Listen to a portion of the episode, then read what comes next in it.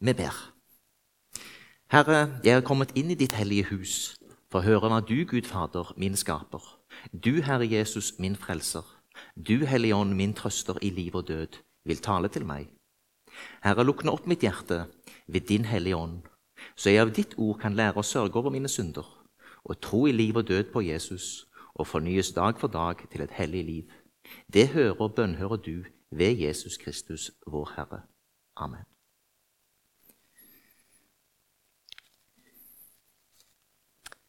Vi leser sammen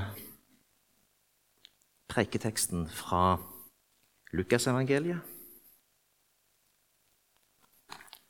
kapittel 1.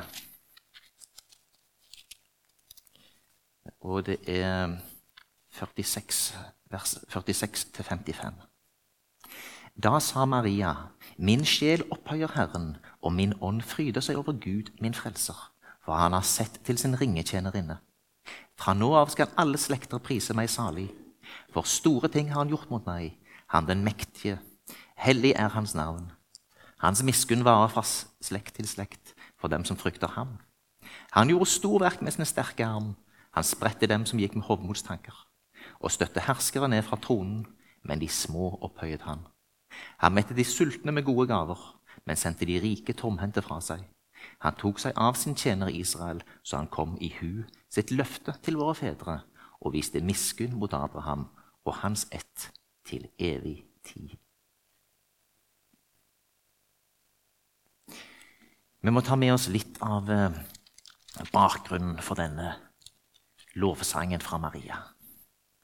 Det er jo engelen som har kommet. Og det er jo eh, store ting som skjer i Jødeland eller Palestina i årene før eh, Ja, det er jo litt før vår tidsregning. Hvis vi setter år null, så tror vi at Jesus må være født litt før det pga. at eh, dette skjedde mens Herodes den store var sjefen i dette området. Og han døde i år fire før Kristus. Så vi snakker om at i år 5, 6, 7 før Kristus, eller der omkring, så har altså da engelen Gabriel åpenbart seg for Zakaria. Og han har åpenbart seg for Maria. Zakaria, denne presten, han får jo høre at han og hans kone de var jo oppe i årene. At hun skulle bli med barn.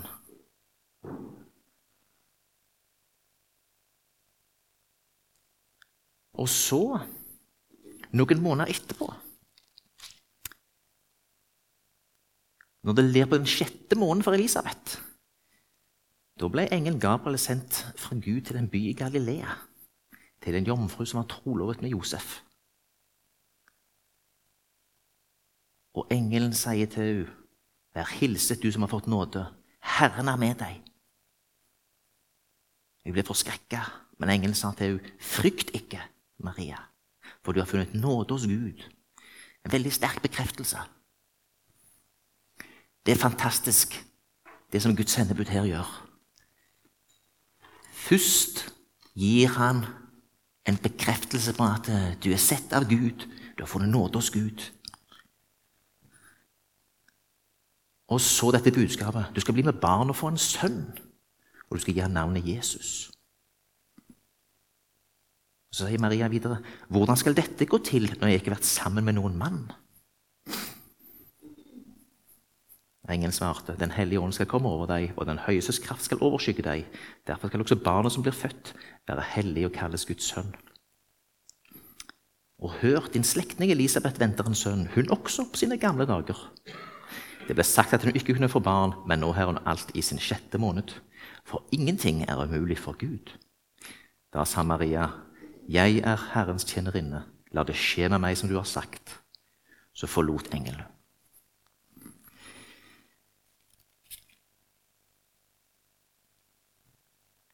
Rent menneskelig sett så var det jo krevende,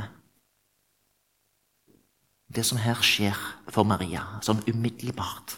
Hun er forlova med en mann, og så skal hun plutselig bli gravid. Hun har vært sammen med en mann. En ganske krevende sak å bli invitert inn i. Hva tanker har rast gjennom Maria sitt hode når dette skjer? Sikkert mange forskjellige. Men Maria får altså gode bekreftelser og gode svar fra engel Gabriel, Guds sendebud. Og Noen dager seinere skynder hun seg opp til Elisabeth, står det. Hvorfor skyndte hun seg? Var det forventning? Var det engstelse, uro, et ønske om å få sjekke ut dette med Elisabeth så fort som mulig og få klarhet i det? Er det en miks av dette? Og når hun får se Elisabeth, altså når du er i sjette måned, da ser vi det jo. Med en gang hun ser Elisabeth, så får hun en bekreftelse på at det engelen sa, var sant. Hun styrkes i sin overbevisning, ting faller litt på plass. Og så kommer Elisabeth òg med en dyp åndelig sannhet. Min Herres mor kommer til meg. Dette er noe som Den hellige ånd åpenbarer for uh, Elisabeth. For Maria har ikke sagt noe. Maria har ikke sagt noe. Men Elisabeth ser hva som har skjedd, og ser hvem Maria nå er i ferd med å bli. Og de kjente hverandre før for de var slektninger. Nå har hun fått tre rimelig sterke erfaringer. Engel Gabriel og budskapet fra Gud. Bekreftelsen på det engelen sa, bare med å se Elisabeth. Den aldrende Elisabeth. Det er jo et under hun ser. Hun ser ei dame som er altså det opp i årene, som det står, som er gravid. Og hun kjente henne. Og hun hadde nok allerede tenkt den tanken at de fikk ikke unger. For når hun ser at denne eldre slektningen sin er gravid, så er det et under. Og så får hun denne her sterke bekreftelsen av at Elisabeth ved ånden ser inn i hva Maria skal bli en del av. Hva Maria, herre, min Herres mor, kommer til meg.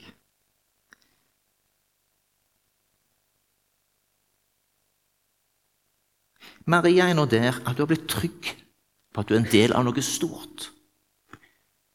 Hun har helt sikkert hatt med seg ubesvarte spørsmål.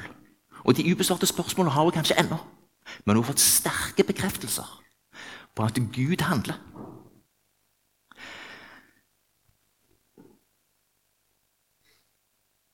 Alt dette skaper i henne en lovsangstone. Maria har åpenbart vært vel kjent i Guds ord. For hennes lovsang igjen, for I hennes lovsang kjenner vi igjen mange elementer fra både salmene og Hanna sin lovsang i første Samuels bok. Hvis vi ser litt på den.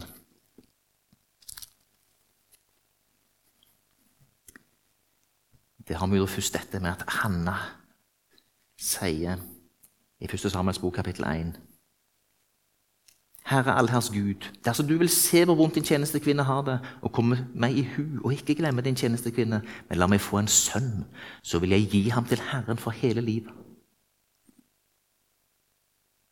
Jeg har òg ei dame som ikke fikk barn. Videre i kapittel 1, vers 22. Hun sa til mannen sin, når gutten er avvent, vil jeg ta ham med, så han kan bli fremstilt for Herren, og siden være der all sin tid. Og vers 28. Nå gir jeg ham tilbake til Herren for hele hans levetid. Det var for Herrens skyld jeg ba om ham.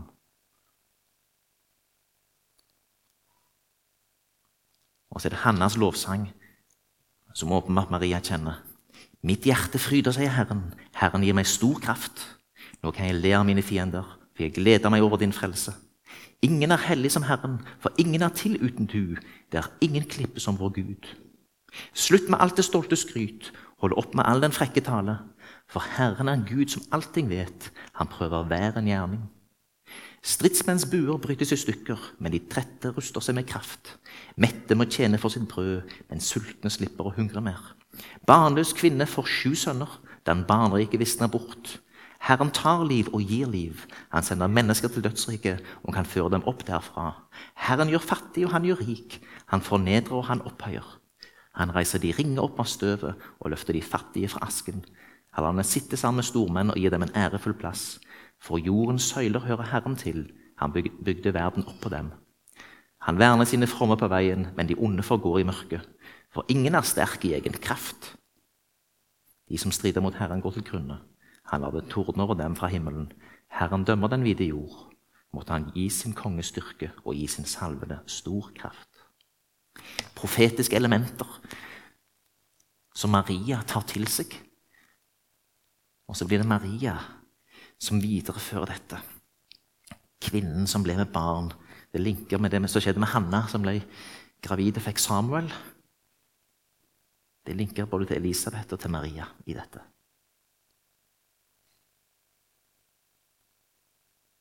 Bare leser igjen ett vers i Hannas lovsang, Samuelsbok, 1. Samuelsbok, kapittel 2, vers 9.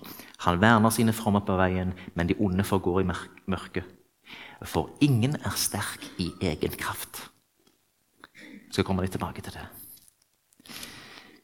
Videre så er det i Marias lovsang klare hentydninger til flere salmer. Her er det f.eks. en fin link til Salme 103, vers 17. Hans miskunn varer fra slekt til slekt for dem som frykter ham. Og Flere andre linker òg til eh, Det gamle testamentet. Han gjorde storverk med sin sterke arm. Han spredte dem som gikk med hovedtanker. Maria er tydeligvis en kvinne som kjente ordet. Det var beredt noe i hun. Hun kjente Gud. Hun var rotfesta i ordet. Så når engel kommer, så blir hun ikke skremt. Men hun spør jo hvordan skal dette gå til når jeg ikke har vært sammen med noen mann. Men hun viser likevel en, en ydmyk tilnærming. Hun har åpenbart beredskap for at Gud kan handle med enkeltmennesket her og nå. Gud handler gjennom sitt ord, og vi får leve i ordet. Og Gud kan handle direkte inn i et liv. Ikke mange av oss får en engel som møter oss. Men eh, Gud sender oss da mange andre i vår vei. Mennesker som vi møter. Mennesker som kan komme med råd og gi budskap. Mennesker som kan ja, på ulikt vis eh, formidle noe til oss fra Gud. Enten det er tanker som kommer, eller det er svært direkte. Jeg tenker òg at eh, måten Maria nå lovsynger Herren i Midt i dette krevende som skjer med henne, viser òg en dyp, det er dyp tro, det er dyp takknemlighet. minner litt om noe som står i første krønikebok, kapittel 29, fra vers 9. Det er David. Han har forstått at det er ikke han som skal bygge tempelet. Det er hans sønn. Men så tenker han min sønn er ung og veik. Jeg må samle inn midler til bygging av tempelet. Og så gir han rikt av sitt eget gods og gull. Og så utfordrer han lederne i, det, i Israel til å gjøre det samme. Og de kommer med gaver. For helhjertet kommer de med sine frivillige gaver til Herren. Også kong David var meget glad for det. Altså at hans ledere kom med disse gavene. I nærvær av hele forsamlingen priste David Herren og sa:" Lovet være du, Herre, vår etterfar Israels Gud, fra evighet til evighet. Herre, din er storheten, makten, herligheten, æren og høyheten. Ja, alt i himmelen og på jorden. Ditt er riket, Herre, og du er opphøyet og har alt i din makt. Rikdom og ære kommer fra deg, og du rår over alle ting. I din hånd er kraft og styrke. Alt har du makt til å gjøre stort og sterkt. Så takker vi deg nå, vår Gud, og priser ditt herlige navn. For hvem er vel jeg, og hva er mitt folk? Skulle vi være i stand til å gi slike frivillige gaver? Nei, alt kommer fra deg. Vi gir det vi har fått av deg. Dette er en fin ting å få seg inn i. Og her var Maria, og her var Hanna. De hadde fått noe. Og her er det da dette å kunne ha denne troen som på denne måten tar dette inn og er takknemlig for å få lov til å være en tjener. Og at det du har, og det du gir, er noe som du allerede har fått av Gud. Og få leve i den umiddelbare tillitsrelasjonen. Dette er det rette sinnelag, den rette relasjonen til Gud. Vi krever ikke noe av Gud, vi er takknemlige tjenere. Så Maria er et forbilde for oss med tanke på å forstå hva tro handler om. Hvordan skal dette gå til? Jeg har ikke vært sammen med noen mann. Og hun får svar. Maria spør, og hun får svar. Hun stiller ærlige spørsmål. Og det har vi òg lov til. Og det har andre søkende mennesker òg lov til. Det er ikke alt vi kan gi svar på. Av og til må sannhetens ånd få åpenbare ting på en spesiell måte for oss. Eh, men ærlige, søkende mennesker, og den som har tillit til Gud, kan stille spørsmål. Maria er så takknemlig. Store ting har Gud gjort mot meg. Hun hviler i at det som skjer med henne, er etter Guds vilje. Da vil hennes rent menneskelige behov bli ivaretatt. Og det skjer jo et nytt under når hun etter vært oppe hos Elisabeth i eh, tre måneder, reiser hjem. For da har nok Josef fått sett i sin drøm dette at han ikke skal forlate Maria. Han skal bli hos henne. For dette som har skjedd, det kom fra Herren. Gud legger allting til rette. Og det å ha tillit til dette, det var jo en enorm risiko. Dette kunne ikke Maria forutse, at Josef ville stå ved henne. Gud lar oss ikke i stikken. Han handler kanskje litt paradoksalt og ukonvensjonelt med oss, men han har kontroll. Så Maria er det viktig å slippe behovet for å forstå alt, men akseptere Guds veier som de beste, og hvile i at Gud har kontroll, selv om vi ikke forstår. Vi må gå litt tilbake til Lukas-teksten her. Vi må ta en liten vei innom dette med tro. Zakaria, som var denne presten som gjorde tjeneste ved Herrens tempel, Han hadde jo båret fram mange fine, fromme bønner. Men når engelen møter Zakaria, så blir han forferda ved synet, og frykt kom over ham.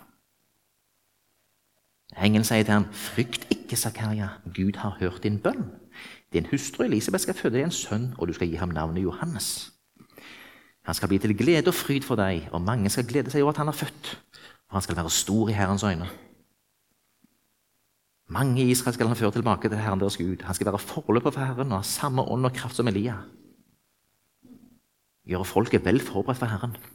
Så har vi da Zakaria, denne presten som jo har tjent å bære fram fine bønner. Han spør dette spørsmålet. Hvorledes kan jeg være sikker på dette?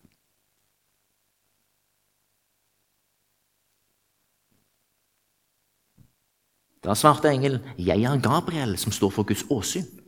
'Jeg er sendt for å tale til deg og bringe deg dette gledesbud.'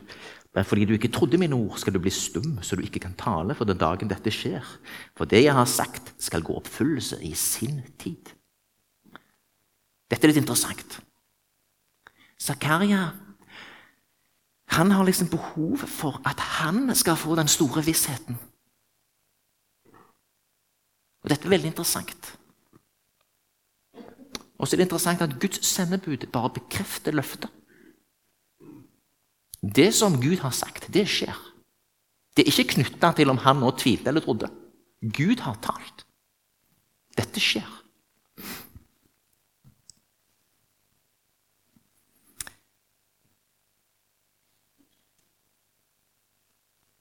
Hva er dette, da? Jeg tror dette er et sted som eh, vi fort kan komme. Hvorledes kan jeg være sikker på dette?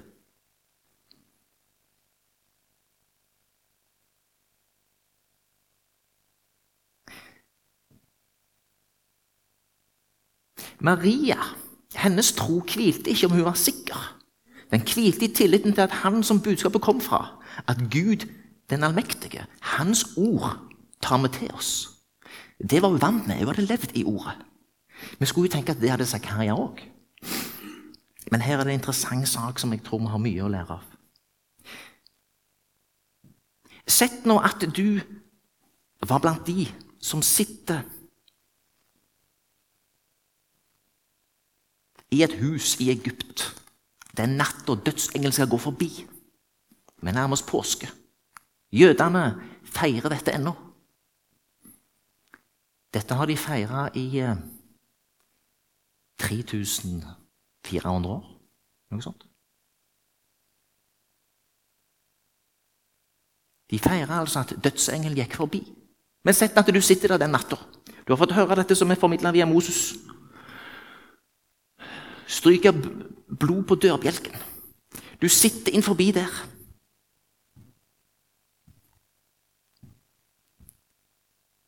Og så lurer du på hvordan kan jeg være sikker på dette?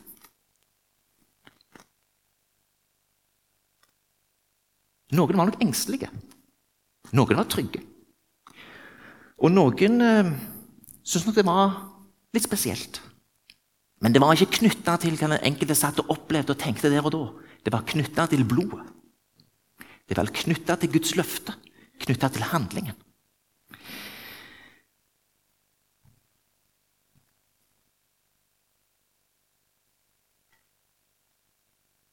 Slik er det òg for oss. Hvor viktig var det at hærføreren Naman var sikker på at syv dykk i Jordan ville gjøre han frisk?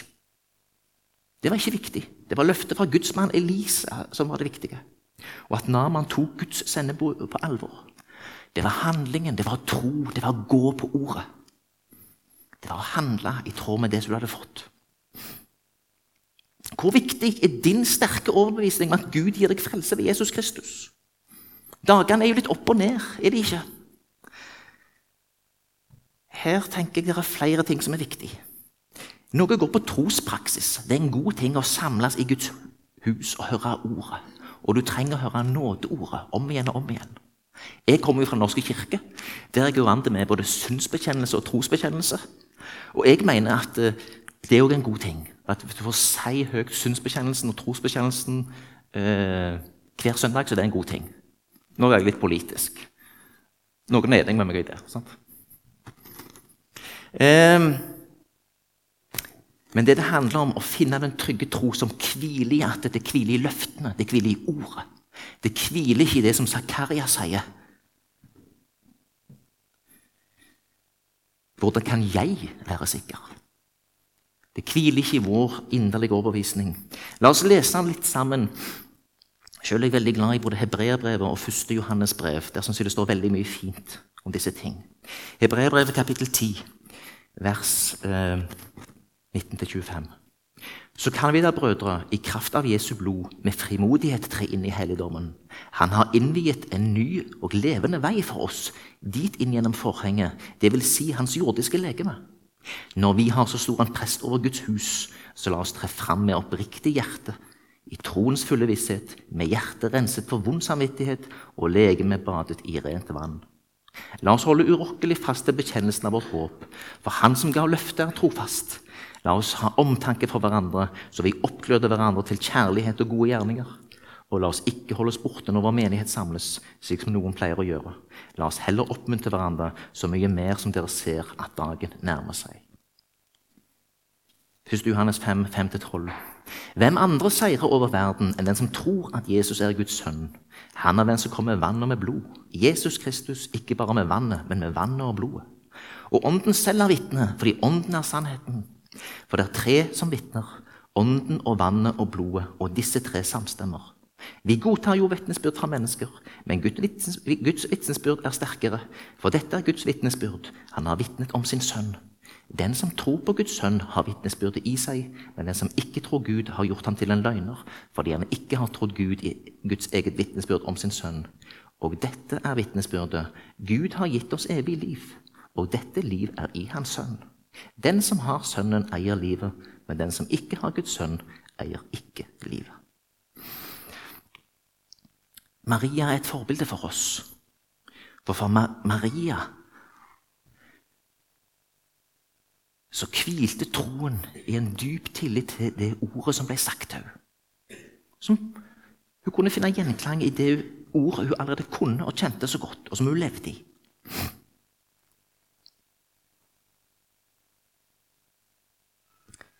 Zakaria ender opp med å um, bli opptatt av sin egen overbevisning. Vi har på et vis en parallell her hvis vi blar litt videre i Lukas evangeliet, kapittel 17. Så ser vi noe veldig interessant. En utrolig interessant passasje mellom apostlene og Jesus. Kapittel 17, Lukas kapittel 17 fra vers 5. Apostlene sa til Herren, gi oss større tro. Du og du, så fromt. Wow, for et ønske. Herre, gi meg større tro. Hva gjør Jesus? Han bare smekker til dem. Om dere hadde tro som et sennepsfrø, kunne dere si til dette morbærtreet, rykk deg opp og slå rot i havet, og det skulle lyde dere. Hvis en av dere har en tjener som er ute og pløyer eller gjeter, vil han da si til ham når han kommer hjem fra markene, kom nå og sett deg til bords? Nei, han vil si, lag til kveldsmaten for meg, gjør deg så i stand og vær meg opp mens jeg spiser og drikker. Etterpå kan du selv få deg mat. Takker han tjener for at han gjorde det han fikk beskjed om? Nei. På samme måte med dere. Når dere har gjort alt det som er pålagt dere, skal dere si vi er uverdige tjenere og har bare gjort det vi var skyldige å gjøre. Han smekker til dem fordi de begynner å plassere troen her. Gi meg større tro.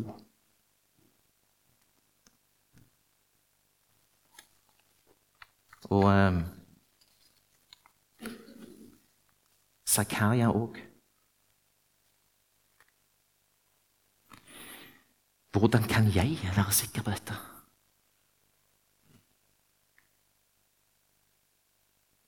Det er tror jeg, veldig viktig i vår tid det med å se en ny type åndelighet strømme fram. Det er veldig mange ønsker å ha eh, en tro. Da jeg vokste opp på 70-tallet, så var det med tro det var litt sånn, det var helt tatt blåst bort. Det var litt rasjonelt.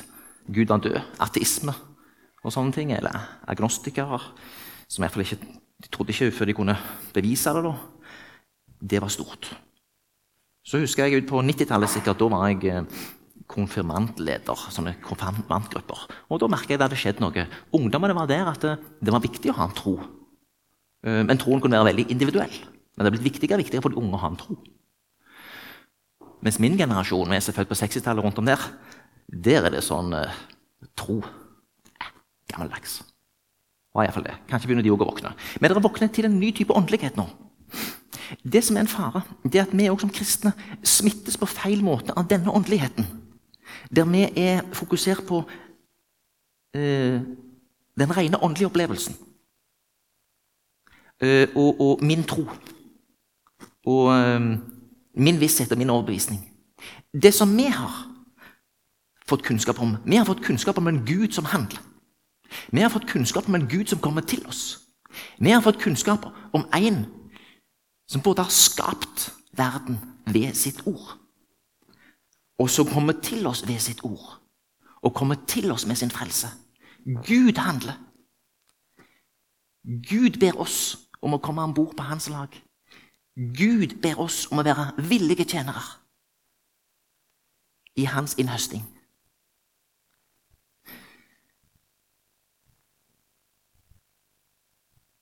Det er en fare for at vi kan bli for subjektive og opptatt av den rene åndeligheten og leve i en eller annen boble om at eh, det er vår åndelighet og gode følelser som er så viktig. Maria viser oss noe herlig enkelt. Hun er, hun er der altså at hun er villig til å la det skje med henne, det som hun her har møtt. Hun er villig til å gå på Herrens veier. 'Jeg er Herrens tjenerinne. La det skje med meg som du har sagt.' Wow. Jeg tror vi trenger i vår tid, som er prega av eh, livsnytelse, vi er jo rike og kan velge veldig mye sjøl, det som kommer dit at vi kan si dette, og som David, å ha tillit til Gud og hans verk, og at han handler med oss, og at vi er hans lydige tjenere. Og Her er det flere språk. Jeg tror det er godt språk å stille til tjeneste. Mange av dere står i tjenester i ulike relasjoner og forpliktelser. Ehm, jeg tror det er en god ting å ha en tjeneste i en forsamling. Tjenesten bevarer deg, og tjenesten utvikler deg.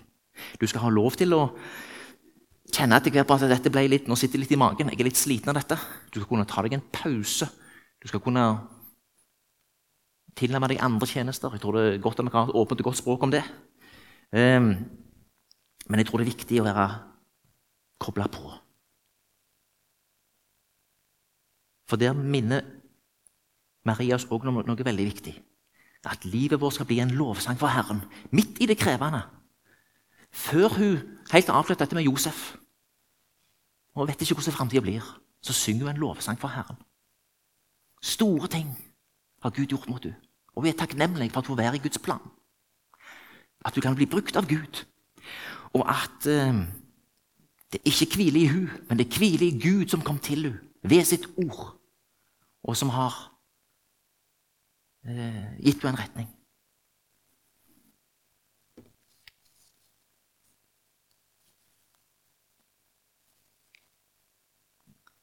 Maria var i Guds plan òg da hun bare var ei ung kvinne som venta på å bli gift med Josef. Hun hadde sikkert allerede begynt sine forberedelser, og som ellers holdt hun på med sine plikter og gjøremål. Hun sto antagelig i relasjoner og forpliktelser og gjorde det som ble forventa av henne. Slik kan også vi tenke om våre liv. Vi står i relasjoner og forpliktelser. Ikke mange av oss erfarer så spesielle opplevelser som Maria, men like fullt kan vi lære å stå i trofast tjeneste og være takknemlig for det Gud har vist oss. Maria er takknemlig for være Guds plan. En veldig spesiell tjeneste. Og Da er det sånn vi kan si som hun. Store ting har Herren gjort mot meg. Eller vi kan si nei, Gud finn en annen. Eller Gud, det passer utrolig dårlig akkurat nå. Kan du vente et år? Du ser hvor mye planen er sånn, og det passer ikke helt inn nå. Da er vi fort på Zakaria-sporet. Tenk på Maria, altså. Forlova, skulle gifte seg. Det hadde vel vært mye enklere hvis hun ikke hadde hatt noen mann. hadde ikke det? Wow, Krevende, dette her. Og så må vi ta med oss dette. Maria blir et ledd i Guds frelsesplan, og at Gud bruker mennesket. For det som skjer med Maria, viser hvordan Gud gjør seg avhengig av mennesker for å fullføre sin frelsesplan. Gud møter det enkelte mennesket og sier, 'Du har funnet nåde hos meg.' Og Maria sier, 'La det skje som Herren vil'. Herren sier til oss òg, 'Du har funnet nåde hos meg'. Det vil han si til deg. Du har funnet nåde hos Han ved Hans blod. Og som det var for de som var på innsida av de hus med blod strøket på dørkarmene, slik er det for deg som får ta tilflukt til eh, Jesu blod, korset. Gud bruker enkeltmennesker i sin tjener. Og Etter pinsedag ble det klart for disiplene. Vi har fått Den hellige ånd. Vi bærer Kristus med oss. Vi kan nå bringe godt budskap. Vi kan ikke tie av det vi har sett og hørt. Vi må bringe det videre. Vi òg bærer Kristus med oss, ikke på samme måte som Maria, som sto i en helt spesiell tjeneste. Men ved Maria viser Gud oss hva som kommer. Mennesker som åndelig sett skal bære med seg Kristus og være med og bidra til at flere kan få se Jesus. Sånn er Maria et tidlig hint om den rollen vi har fått. Vi er Kristi medskapere. Vi får formidla troen til våre barn, til andre. Vi bærer ikke Kristus på samme måte som Maria, men like fullt som vi bærere av nådeordet. Dette nådeord får vi formidlet til hverandre. Som troende søsken som kan styrke hverandre og sette mot i hverandre, slik Elisabeth og Maria satte mot i hverandre. Og Dette nådeordet bærer vi med oss for at vårt lys på ulikt vis skal kunne skinne i andre mennesker sitt liv. Og Her er det så mange ulike tjenester. Kjærligheten er ikke det at vi har elsket Gud, men at Han har elsket oss og sendt sin sønn til soning for våre synder. Mine kjære, har Gud elsket oss slik, da skylder også vi å elske hverandre. Ingen har noen gang sett Gud, men dersom vi elsker hverandre, blir Gud i oss, og hans kjærlighet er fullendt i oss. At vi blir i ham og han i oss, det vet vi fordi han har gitt oss av sin ånd. Vi har sett og vitner om at Faderen har sendt Sønnen som verdensfrelser. Den som bekjenner at Jesus er Guds sønn, i ham blir Gud, og han selv blir Gud. Vi har lært å kjenne den kjærlighet Gud har til oss, og vi har trodd på den. Gud er kjærlighet, og den som blir i kjærligheten, blir i Gud, og Gud i ham. Kjærlighetens mål med oss er at vi skal ha frimodighet på dommenes dag, for vi er slik som Han er, midt i denne verden. Dette fra 1. Johannes kapittel 3. Vi er altså slik som Han er, midt i denne verden. Vi er Jesus Kristus sine forandringsagenter der vi er. Vi er lys og salt. Vi er veiryddere for Herren, slik som eh, forløperen Johannes ble kalt til.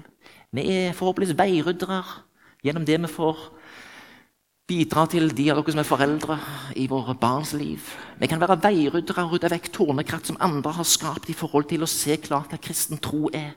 Her er det mange ulike tjenester.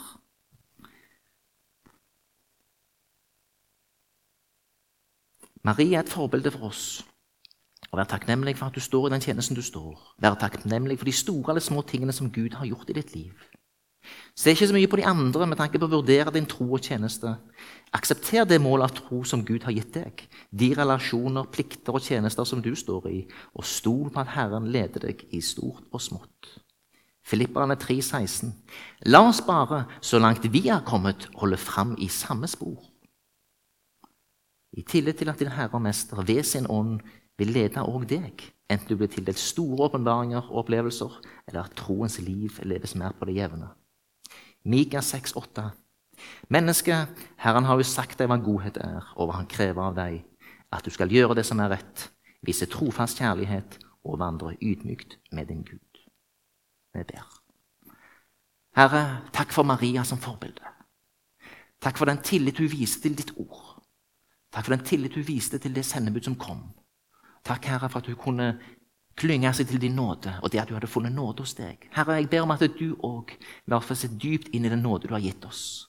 Takk for at det hviler hos deg. Takk for at du handler med oss. Takk for at du har kommet. Takk for at du har dødd og stått opp. Takk for at vi får leve ved ditt blod og din oppstandelseskraft, ved din Hellige Ånd. Herre, jeg ber om at du lar oss få gå inn i tjenester der vi får tjene deg, og der vi aksepterer at du handler i smått og stort. Amen.